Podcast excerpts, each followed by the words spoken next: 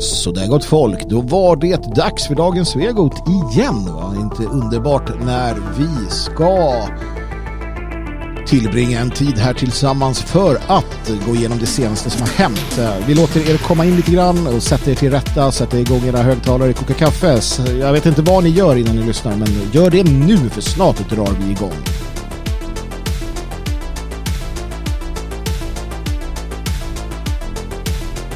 Och vi som drar igång är jag, Magnus Söderman från Svenskarnas hus. Jag har Björn Björkqvist här bredvid mig i studion. Han ska få komma in här lite senare och prata.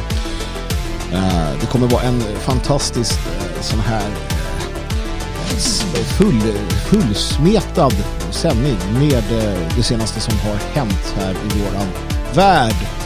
I denna jämmerdal som vi befinner oss i kommer bli bra det här så häng kvar nu och eh, gör er redo. Spänn öronen för snart så kör vi igång.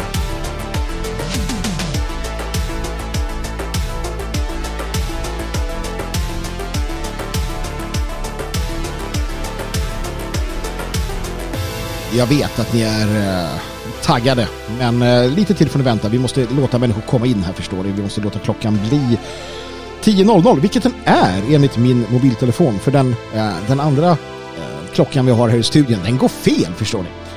Så kan det vara, men uh, alright. Vi, uh, vi gör väl som så att vi kör igång helt enkelt. Och jag välkomnar då Björn Björkqvist till studion. Hej Björn! Hej! Jag håller på med sociala medier. Det var oväntat vad vi kom igång plötsligt. Ja, det, det, det är så. Jag tycker att det är bra att komma plötsligt ibland. Det gör det hela mer spännande för alla inblandade parter. Ja, det är sant och riktigt. Så är det. Vi ska prata om en hel del idag här, se hur mycket vi klämmer in. Bland annat ska vi prata om eh, eh, den här naturligtvis eh, stora, stora händelsen som kom igår där Sverigedemokraterna vill avskeda Morgan Johansson. Mannen som blivit prickad av KU ett antal gånger. Och vi ska då försöka titta här på Magdalena Anderssons respons på detta. Vi ska också prata om det som hände i, i Trollhättan. Vilket är rätt kul med tanke på att det som händer i Trollhättan ändå har lite bäring med Morgan Johansson. Mm. Sedan ska vi prata om det här med myndighetsaktivism vi varit inne på tidigare.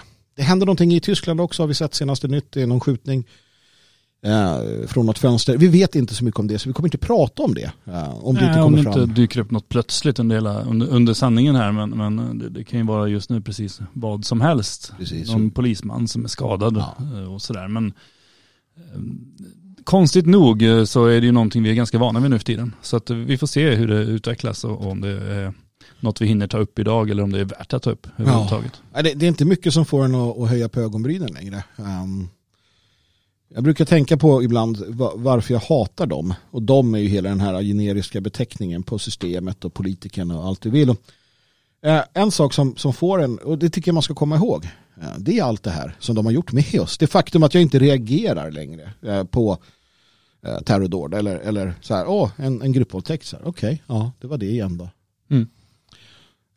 Det är inte bra heller. Det är inte bra att vi blir, ska man säga, så här pavloviskt inställda på att inte reagera på hemskheter. Egentligen borde vi reagera på allt, men skulle vi göra det Björn, då skulle vi inte må särskilt bra, eller hur? Nej, det är nog människans psyke som ser till att det inte blir så. Vi hade varit fullständigt galna, hela befolkningen, om, om vi hade reagerat på, på allt vansinne som sker. Ja. Så hade det varit. Eh, följde du igår eh, dramatiken eh, från plenisalen i riksdagen till Maggan Anderssons presskonferens? Ja, men lite grann gjorde jag. Uh, inte slaviskt heller och inte i, i realtid, men jag följde nyheterna, gjorde jag, i text framförallt. Mm. Och uh, vad är det som händer då? Det som händer är ju att Sverigedemokraterna har väckt eh, misstroendeförklaring mot Morgan Johansson eh, i Morgan Johanssons egenskap av att han är eh, justitieminister. Mm. Ja, men inte egenskap av inrik... Nej, vad är han mer? Han är väl inrikesminister också. Sen är jag osäker, det borde vi ha kollat upp innan, men för förut var han ju migrationsminister också. Oj, oj, oj. Det vet jag inte om han är nu eller om han eller om det ingår i inrikes eller den lille männen har många portföljer. Ja, det kan man säga. Det kan man säga. Eh, jag vet inte, men inrikesminister är han ju. Och det är ju inte det, är inte det som eh, är grejen, utan det är ju hans eh, roll som justitieminister då.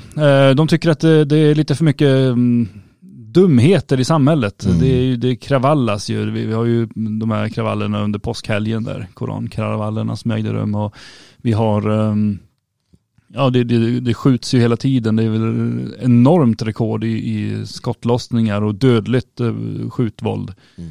nu och så. Så det, det är ju det man är lite missnöjd med och har synpunkter på och då tycker man att det är Morgan Johanssons fel eftersom att han är justitieminister. Är det det Björn Björkqvist? Är det Morgan Johanssons fel det här?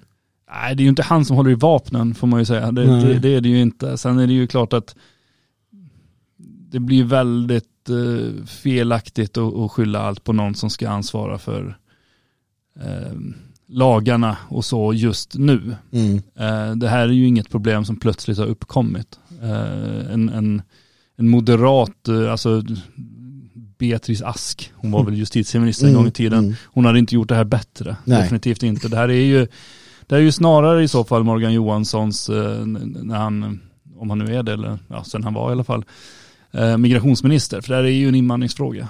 Eh, det här är ju väldigt lite egentligen en, eh, justitiefråga. Det, det går inte att stifta lagar mot eh, gängkriminaliteten på det sättet, utan det som krävs är ju helt andra saker. Det skulle behövas eh, återvandring till vansinne. Sverige har förvandlats till ett gangsterland, skriver SD-ledaren Jimmy Åkesson på Facebook. Eh, Och, och han fortsätter då med att skriva att Morgan Johanssons misslyckanden kan inte få fortgå.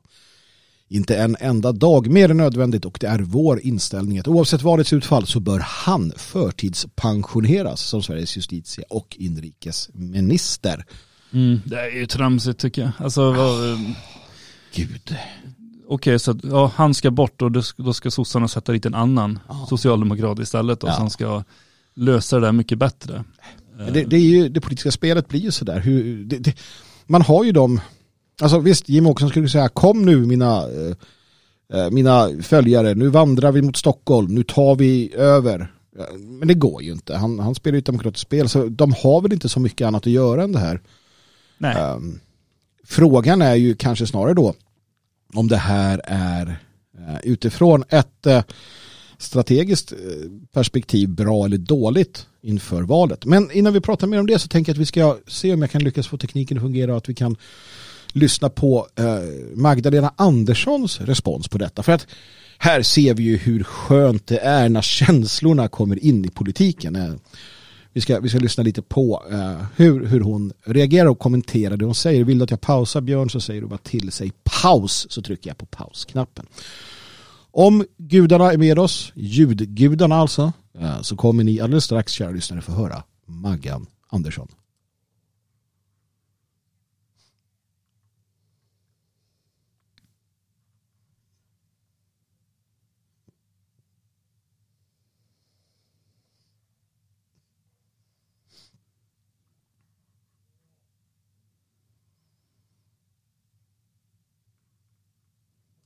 Jag vill pausa här. För att mm. Sverige är ju inte i krig. nej, Uh, vi har inget förestående hot mot, eh, mot oss på det sättet. Det är inte så att, att mig veterligen inte så att, att vi rustar eller liknande.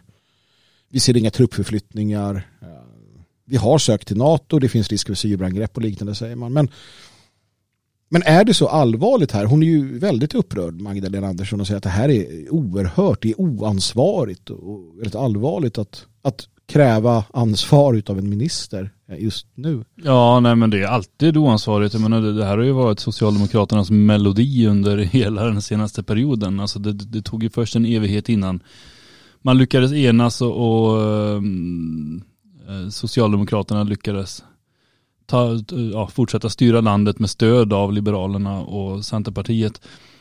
Men sen dess så har det ju varit, det har ju varit missförtroendeförklaringar. Vi har ju haft en statsminister som har avgått och kommit tillbaka och sen avgått av sig självt och så har hon kommit och det har ju varit väldigt, väldigt rörigt och fram och tillbaka och, mm och eh, förra statsministern Löfven han förklarade ju när han tvingades avgå att det där var väldigt oansvarigt. Man kan inte göra om så här mycket i en regering under så hårda tider som det var då för då var det Mm. coronakris. Just det. Det finns ju alltid någon form av kris som man kan prata om. Sen avgick han själv och då var det inte det minsta oansvarigt. Eh, och, och hon eh, tillträdde då och det blev nya runder och det var krångel fram och tillbaka. Eh, men För dem är det ju alltid en väldigt Mm. känslig period. Och det, det kanske de också borde fundera på då, hur det kommer sig att när de styr landet så är det väldigt känsliga perioder. Men, men då kan vi i alla fall, ja, som du sa där, när Löfven avgick så var det ju lugnt och så. Då kan vi i alla fall vara säkra på att Magdalena Andersson som tar ansvar. Skulle ja, det då värsta hända i deras värld att Morgan Johansson avsätts så kommer ju hon då naturligtvis att med, med ledarskap och stabilitet fortsätta regera Sverige fram till valet. Det, det, det kanske vi får höra ett, ett löfte om här eftersom det vore oansvarigt att göra det hela värre. Då. Vi får se vad hon säger här. Ja, men jag, jag, mina pengar är på att den här ansvariga ministern, statsministern vi har, landsmoden, hon kommer, även om det skulle vara ett surt äpple att bita i, fortsätta regera landet eh, med det ansvar och den liksom rättspatos och allt hon då har. Det, Hon det, letar ju fram en ny justitieminister Ja. som kan eh, ta tag i det. Någon, någon känd person som, Mm. alltså Leif GW Persson typ. hittar men så, precis. här, så att alla ska bli nöjda. ja, nej men det, vi satte på det. Mm, Vi ja. lyssnar vidare.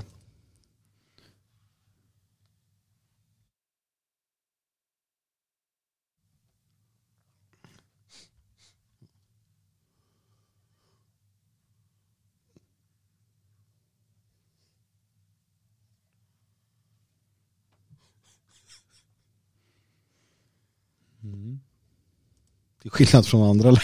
Tänkte precis säga det. det är i, det här, I det här läget så förtjänar vi ansvarsfulla Ja. politiker. Det är ju ändå kul att vi kan Ja. få sådana.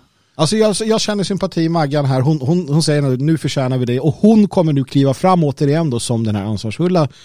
Trots, eh, trots lite motgångar här så kommer hon eh, resa sig ur askan som en fågel Fenix.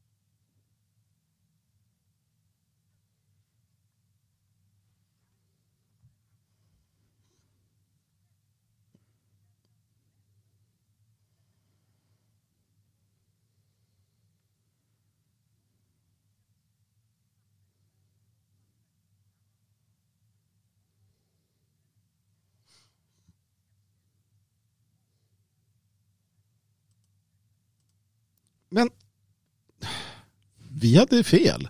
Ja, Alltså Magdalena Andersson kommer avgå om en av hennes ministrar eh, måste avgå. ja. Hela regeringen avgår. Hon kommer alltså kasta landet in i en regeringskris. Det kommer hon göra. Det kommer hon göra. I det här känsliga läget. Hon tvingas ju till det.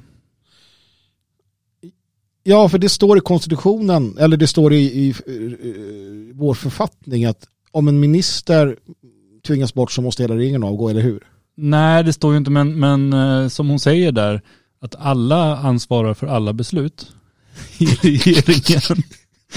Vilket, Va- varför?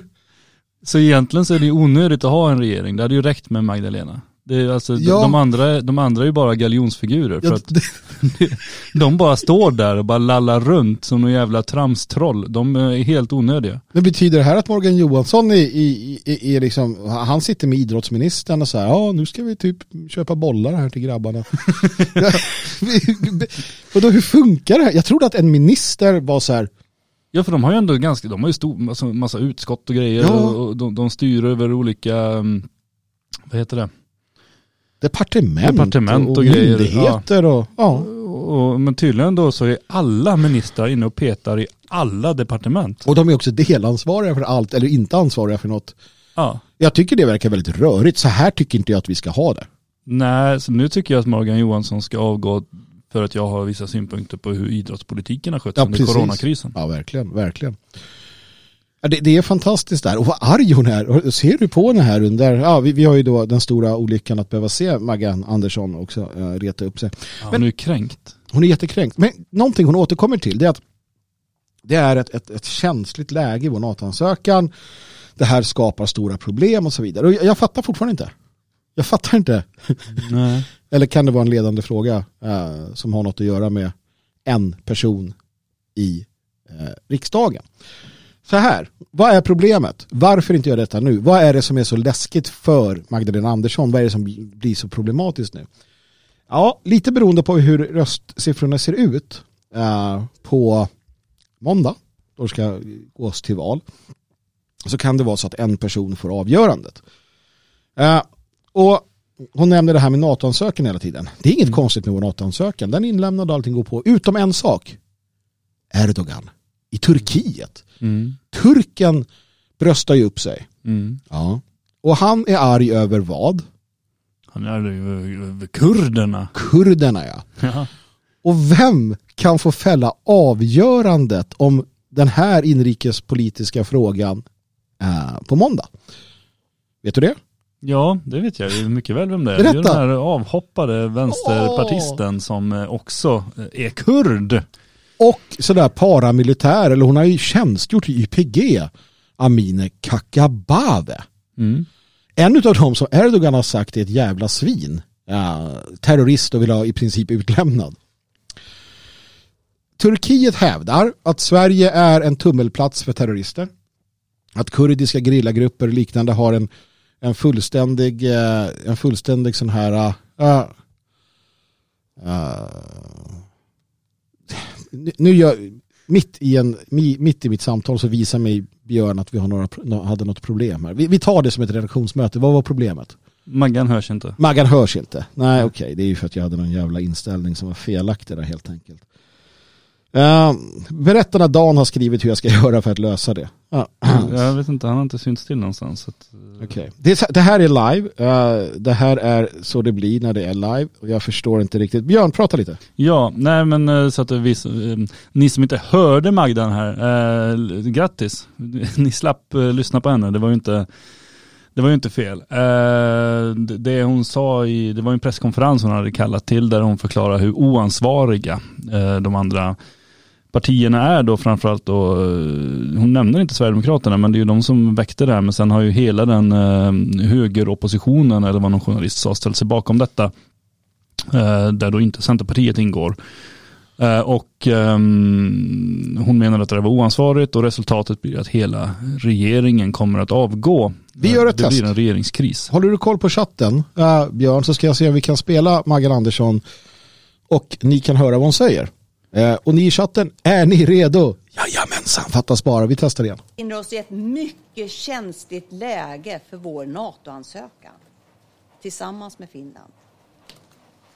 Att då skapa ett läge av politisk oreda och osäkerhet. Det är fullständigt oansvarigt. Det är oerhört. Vi är inte i ett läge för politiskt spel i Sverige. Det här är farligt på riktigt. Svenska folket förtjänar politiker som agerar ansvarsfullt i det här läget. Svenska folket förtjänar bättre.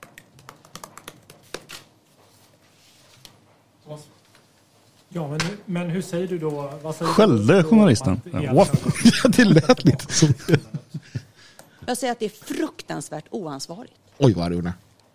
Precis, vi har ju precis skickat det. in en ansökan till NATO som de har stött. De tyckte att det var rätt och riktigt att göra detta nu. Det tycker jag också. Men Då måste man också ta ansvar för ett agerande som vi som Sverige tillsammans i brett politiskt samförstånd har gjort. Vi har ett krig i vårt närområde. Vi är ett känsligt läge i den här ansökan. Att då skapa oreda på det här sättet. Jag kan inte påminna mig om ett liknande oansvarigt agerande från en opposition i närtid. Men vad innebär det då om de lyckas samla en majoritet bakom det här misstroendet? Ja, då blir det regeringskris. Du Och det är inte vad Sverige behöver nu. Kommer du avgå då menar du? Självklart. Därför att självklart är det så. Därför att i Sverige så har vi kollektivt beslutsfattande i regeringen. De politiska beslut som vi fattar i Sverige, de fattar vi tillsammans i regeringen. Och om man avsätter en minister på grund av politiska beslut, då avsätter man naturligtvis hela regeringen. Ja, där har ni det. Nu hörde ni det också. Det var en liten inställning jag missat här på kontrollpanelen. Uh, Björn Björkqvist, uh, mm. allting handlar ju egentligen uh, om Amineh Kakabaveh. Och uh, det här pinsamma problemet som uh, faktiskt Magdalena Andersson står inför i och med att svensk socialdemokrati har ju svensk socialdemokrati och svensk vänster uh, är ju en apologet för all form av vänsterextrem terrorism. Mm. ANC till exempel och liknande i Sydafrika har man ju stöttat. Olika grillagrupper i Sydamerika stöttar man. Mm och då YPG. Och nu utmanar Erdogan detta. Äntligen känner han nog att så här, äntligen kan jag göra någonting. Uh, och då blir det så här va. Uh, ja, men samtidigt, jag menar om, om, om, uh, om Morgan hade tvingats avgå och hon själv väljer att inte avgå utan hon ser mer att ja, men han är ju ansvarig för sitt och sådär. Mm. Konstigt som man skulle kunna tänka att en minister ansvarar för det han håller på med. Mm. Eh, då hade hon ju kunnat sitta kvar i lugn och ro och bara välja någon ny. Ja. Eh, men om hon nu då säger att nej, då avgår jag och så blir det nya runder och det blir, då hamnar hon ju igen i ett läge där hon måste förhandla med eh, Kakabaveh, annars hade hon ju bara kunnat strunta i henne. Precis, och det är ju inte helt okänt att jag, jag tänker ändå att det ingår nästan som minister att, att man blir slängd under bussen ibland. Ja. Det har ju hänt tidigare. Ja, och, Varför är han så viktig? Det är det man undrar. Hur kan Mogge vara så viktig? Han har suttit i snart åtta år va, på, på den posten eller liknande. Ja, och som höjdare i socialdemokratin mycket, mycket längre. Ja. jag menar, han, är ju, han är ju inte speciellt karismatisk. Nej. Han är inte speciellt intressant. Han, han, är inte, han saknar ju djup på alla sätt och vis. Ja. Han uh, tillhör ju de absolut uh, lägsta, alltså inte bara till längden utan även till, till nivån han lägger sig på när han diskuterar på Twitter och sådär med, med politiska motståndare och så. Han är ju, han är ju ett nättroll. Mm. Uh, att han är så oerhört viktig att ha kvar, det, det, man undrar vad det beror på.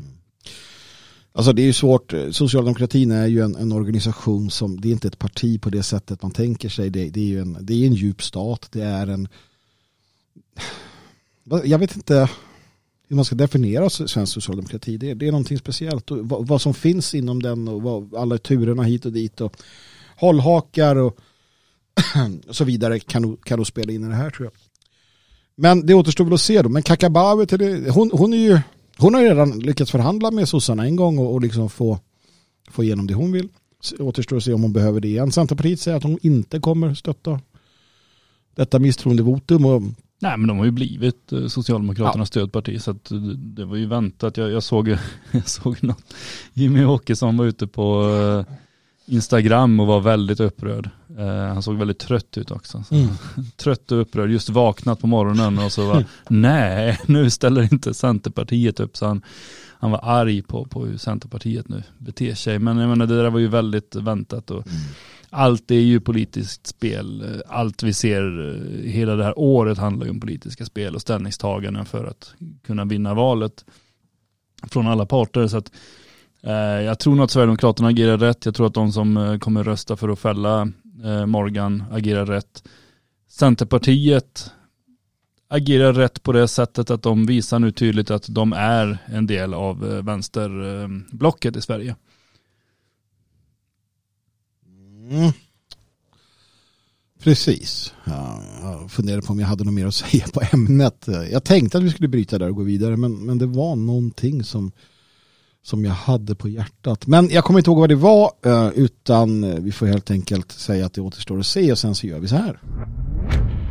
Och det betyder att vi går vidare och det betyder att vi går vidare med någonting som egentligen ändå har med det här att göra.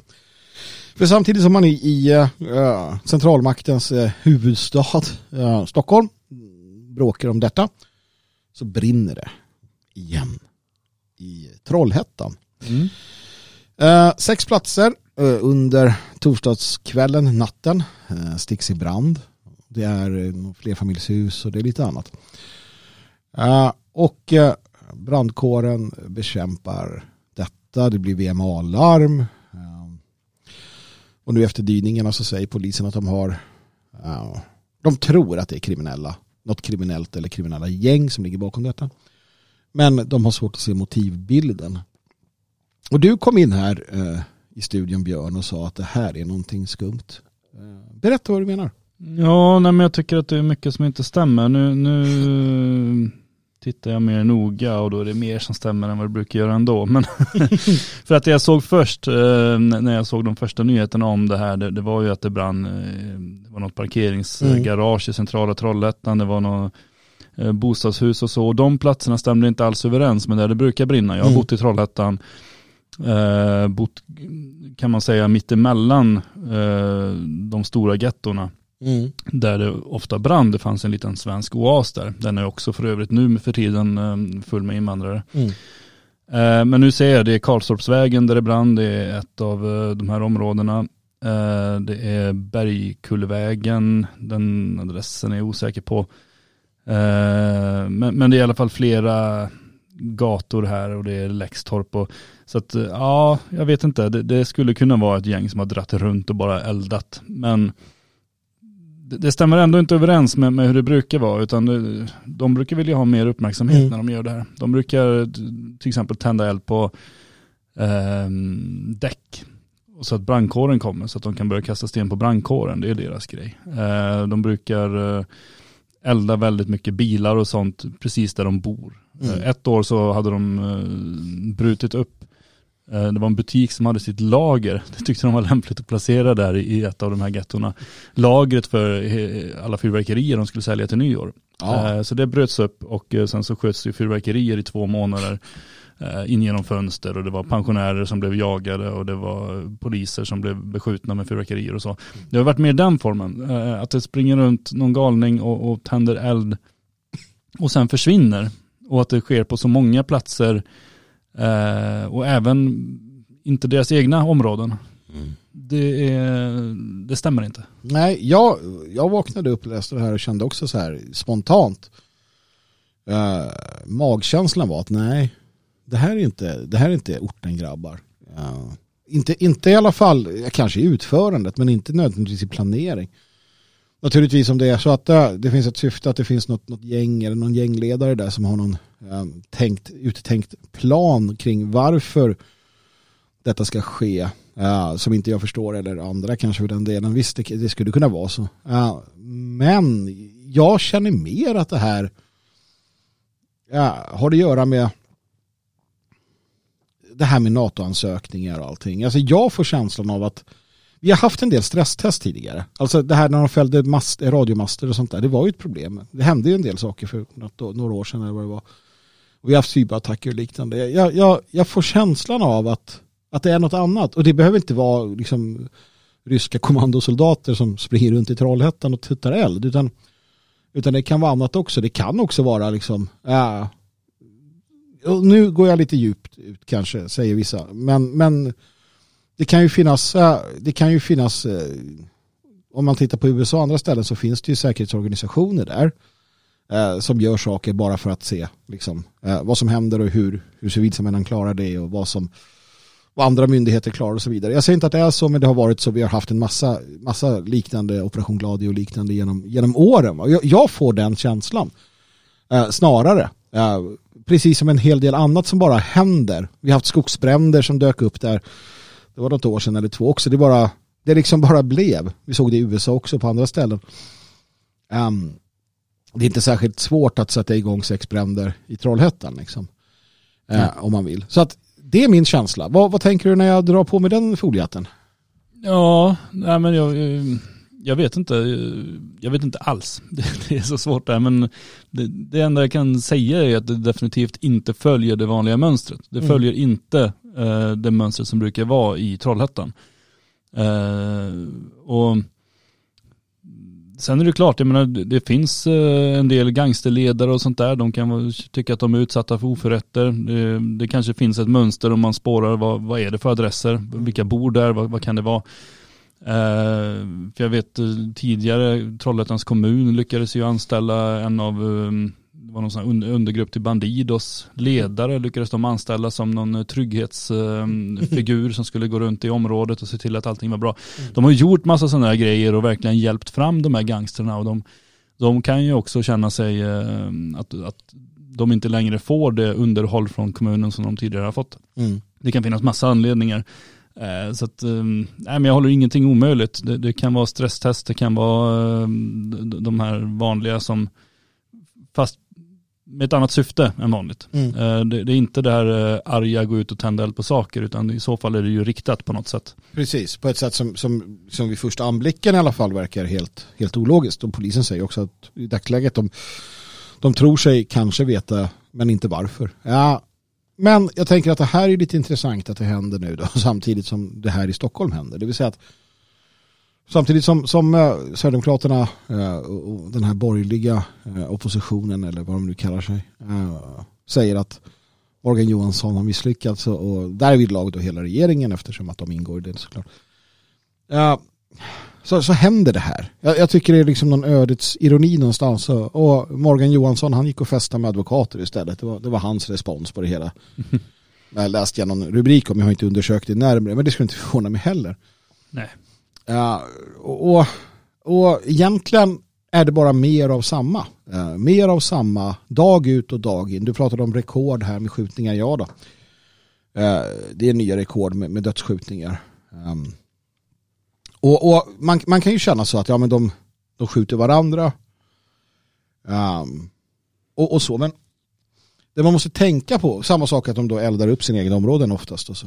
Uh, men det, det man måste tänka på att det händer ju något med, med liksom själva eh, samhällsstrukturen och fibret eh, som håller ett samhälle samman.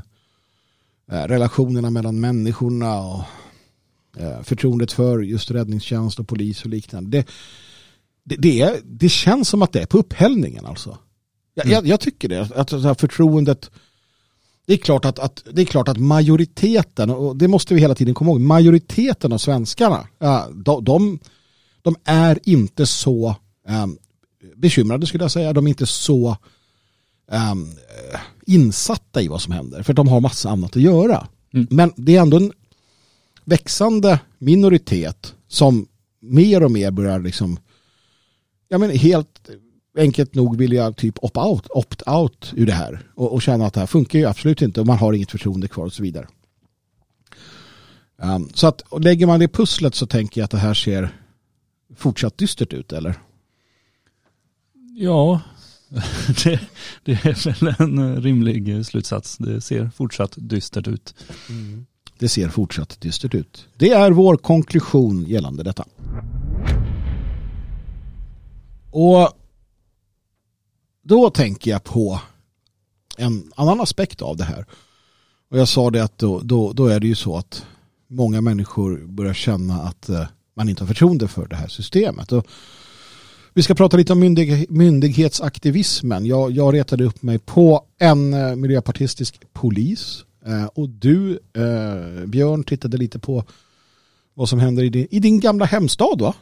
Nej, jag har aldrig bott i Landskrona. Nej. Nej. Var har du bott då?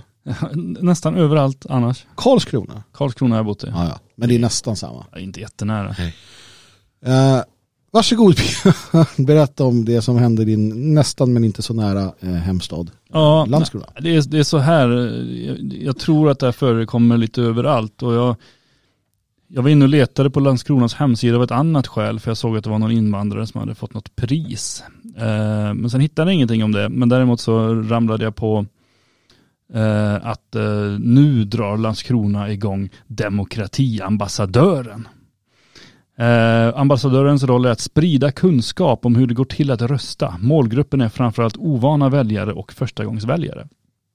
Eh, Va- va- Vad är, vad är, vad är ovana väljare och förstagångsväljare Björn? förstagångsväljare är ju de som för första gången får rösta. Ja. Eh, ovana väljare är de som har fått rösta innan men inte gjort det. Och därmed också är förstagångsväljare egentligen. Fast, Okej.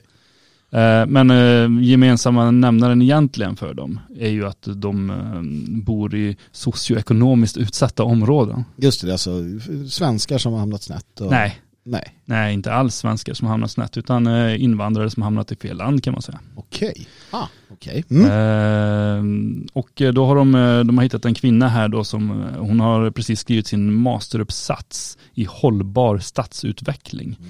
Och hon sökte därför då jobbet för att kunna gå runt och eh, värva människor. Hon säger så här, som demokratiambassadör är jag partipolitiskt obunden och informerar om hur valet går till och varför det är viktigt att rösta.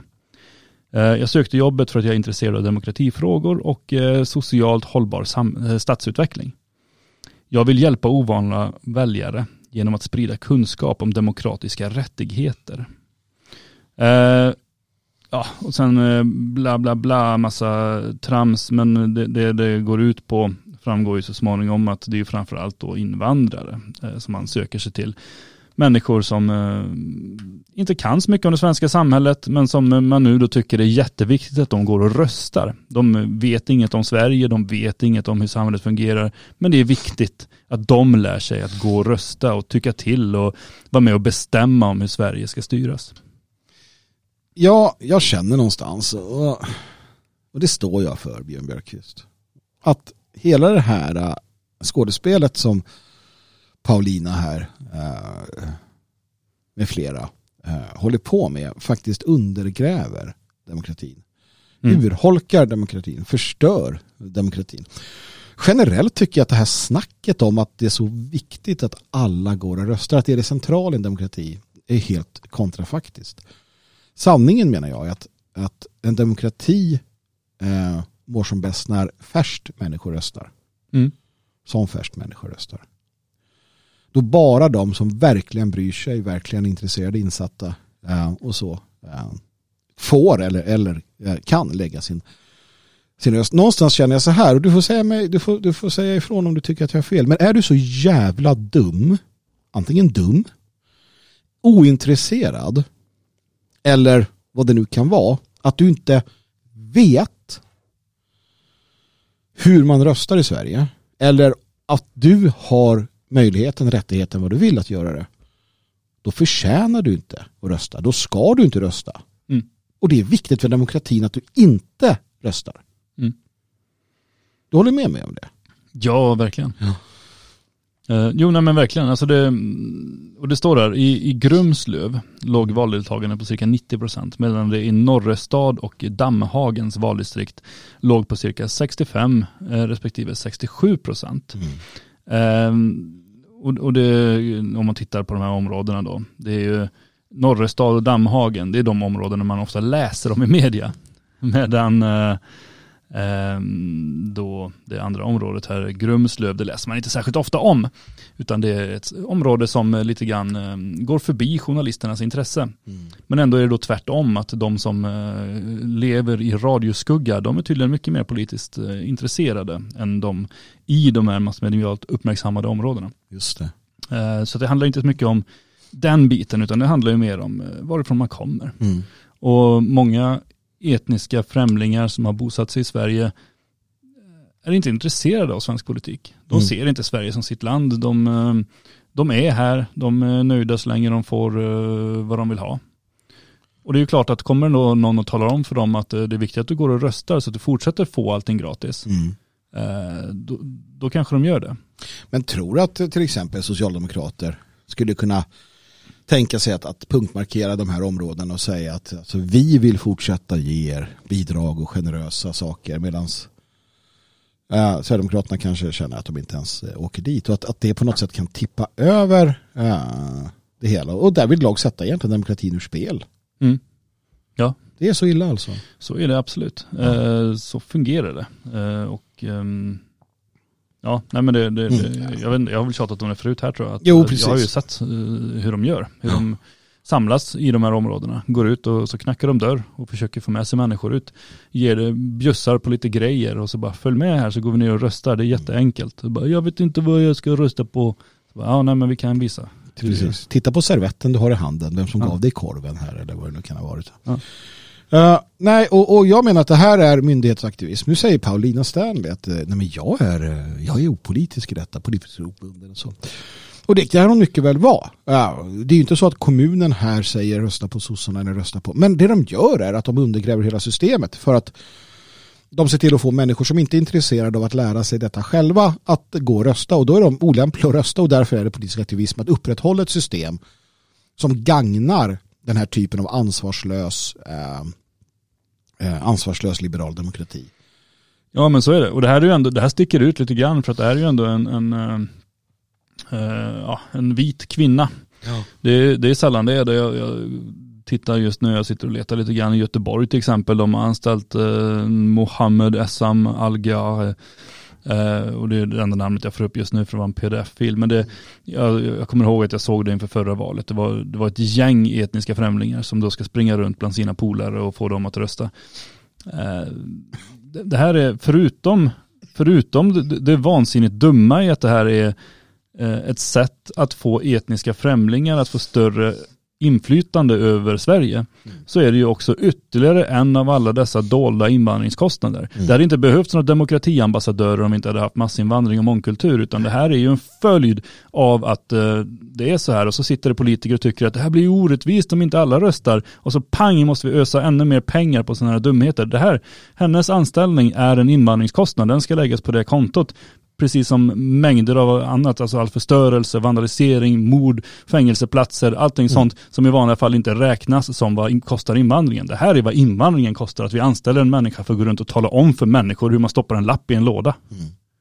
Precis, och det här är som jag då kallar för myndighetsaktivism. Och ett annat exempel på det som dyker upp med jämna mellanrum, um, det är hos polisen. Uh, och då konstaterar vi då att miljöpartisten uh, och polisen Uh, som heter Martin Marmgren. Han är också då rättspolitisk talesperson och riksdags, riksdagsledamot för Miljöpartiet. Han har många, många uh, vad heter det? Uh, bollar i luften, många strängar på lyran. Tack så mycket. Han har gått ut, han brukar twittra en hel del och han har gått ut och han, han älskar att, att twittra i polisuniform, han älskar att liksom understryka att han är polis.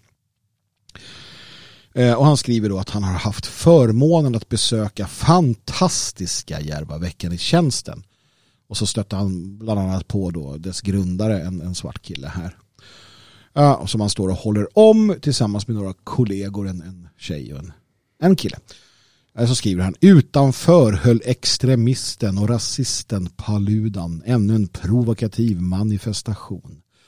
Han ignorerades dock totalt och allt gick lugnt till. Bra av kollegorna och mycket bra av hela Järva. Jag, jag ser att det finns vissa problem med detta. Mm. Uh, framförallt att han då, som så många andra, uh, uttrycker sig politiskt iklädd polisuniform. Uh, detta, detta otyg, detta oskick. Att, att kåren tillåter det, det gör mig fan häpen varje gång ändå. Det, faktiskt gör det.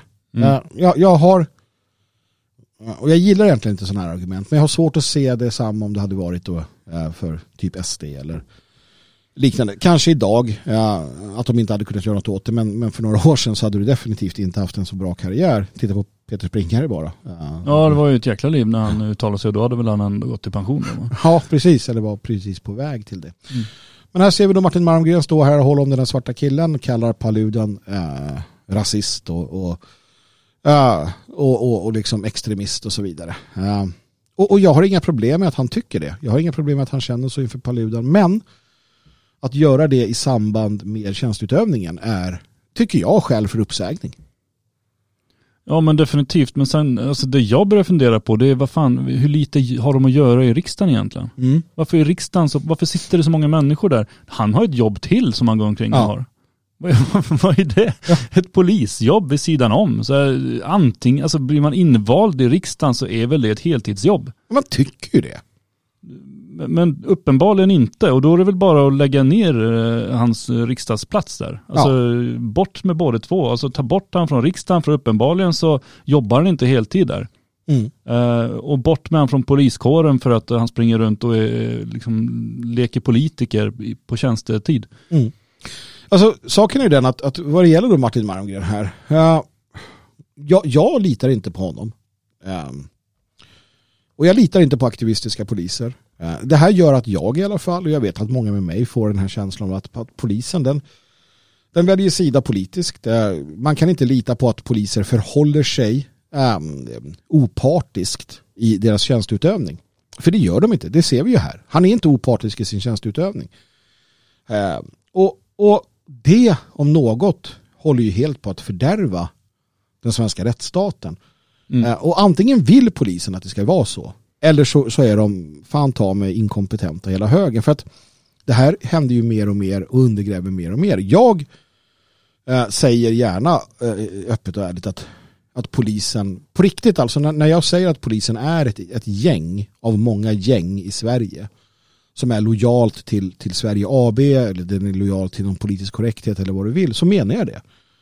Jag menar det, eh, precis som jag ser att, att det finns andra gäng som klär sig i andra färger och har andra liksom, äh, så. Jag, jag, ser poliser som allt mer upprätthåller av en kriminell äh, liksom struktur som är då Sverige AB. Mm. Ja, och det gäller naturligtvis inte alla poliser, men, men som organisation så är det, det är min, min fasta uppfattning. Och jag personligen skulle aldrig äh, ringa polisen äh, och be om hjälp om det inte var i ärenden som jag själv inte kan hantera på något sätt. Liksom.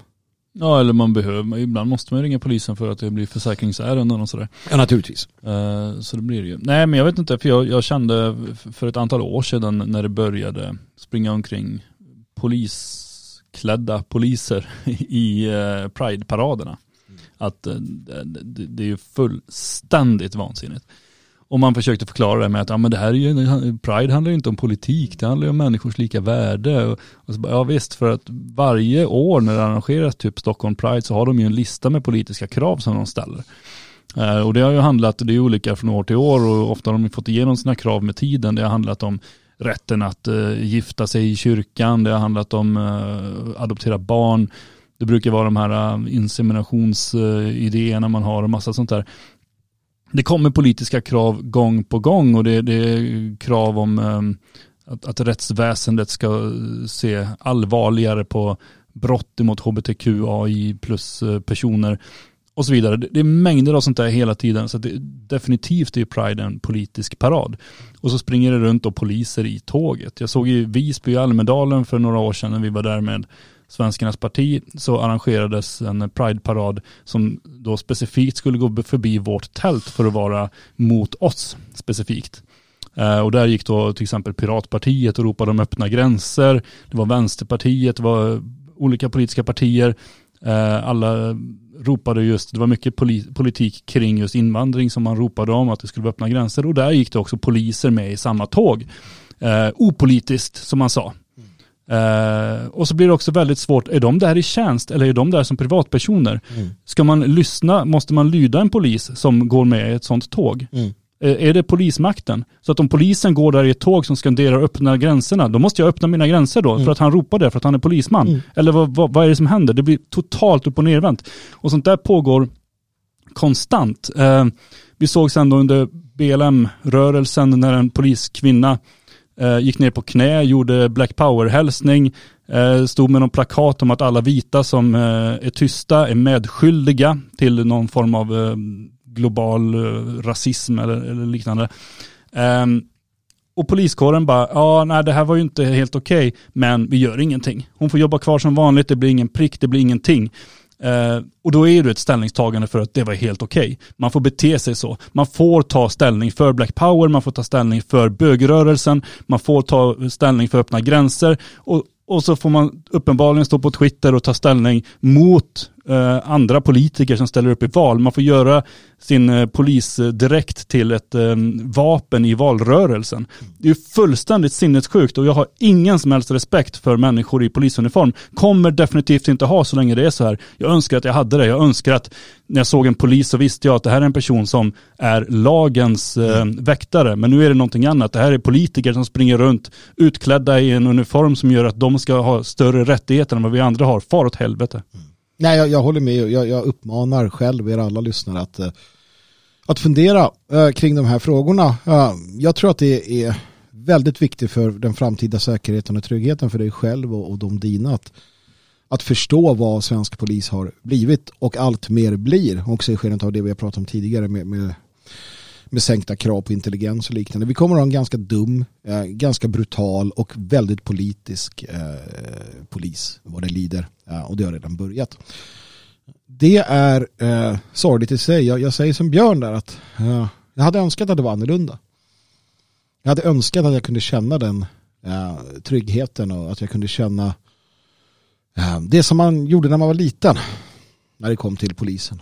Men det gör man inte. Absolut inte. Utan, utan det, det, det är en... Det, svensk polis är illegitim. Svensk polis har ingen jurisdiktion över dig.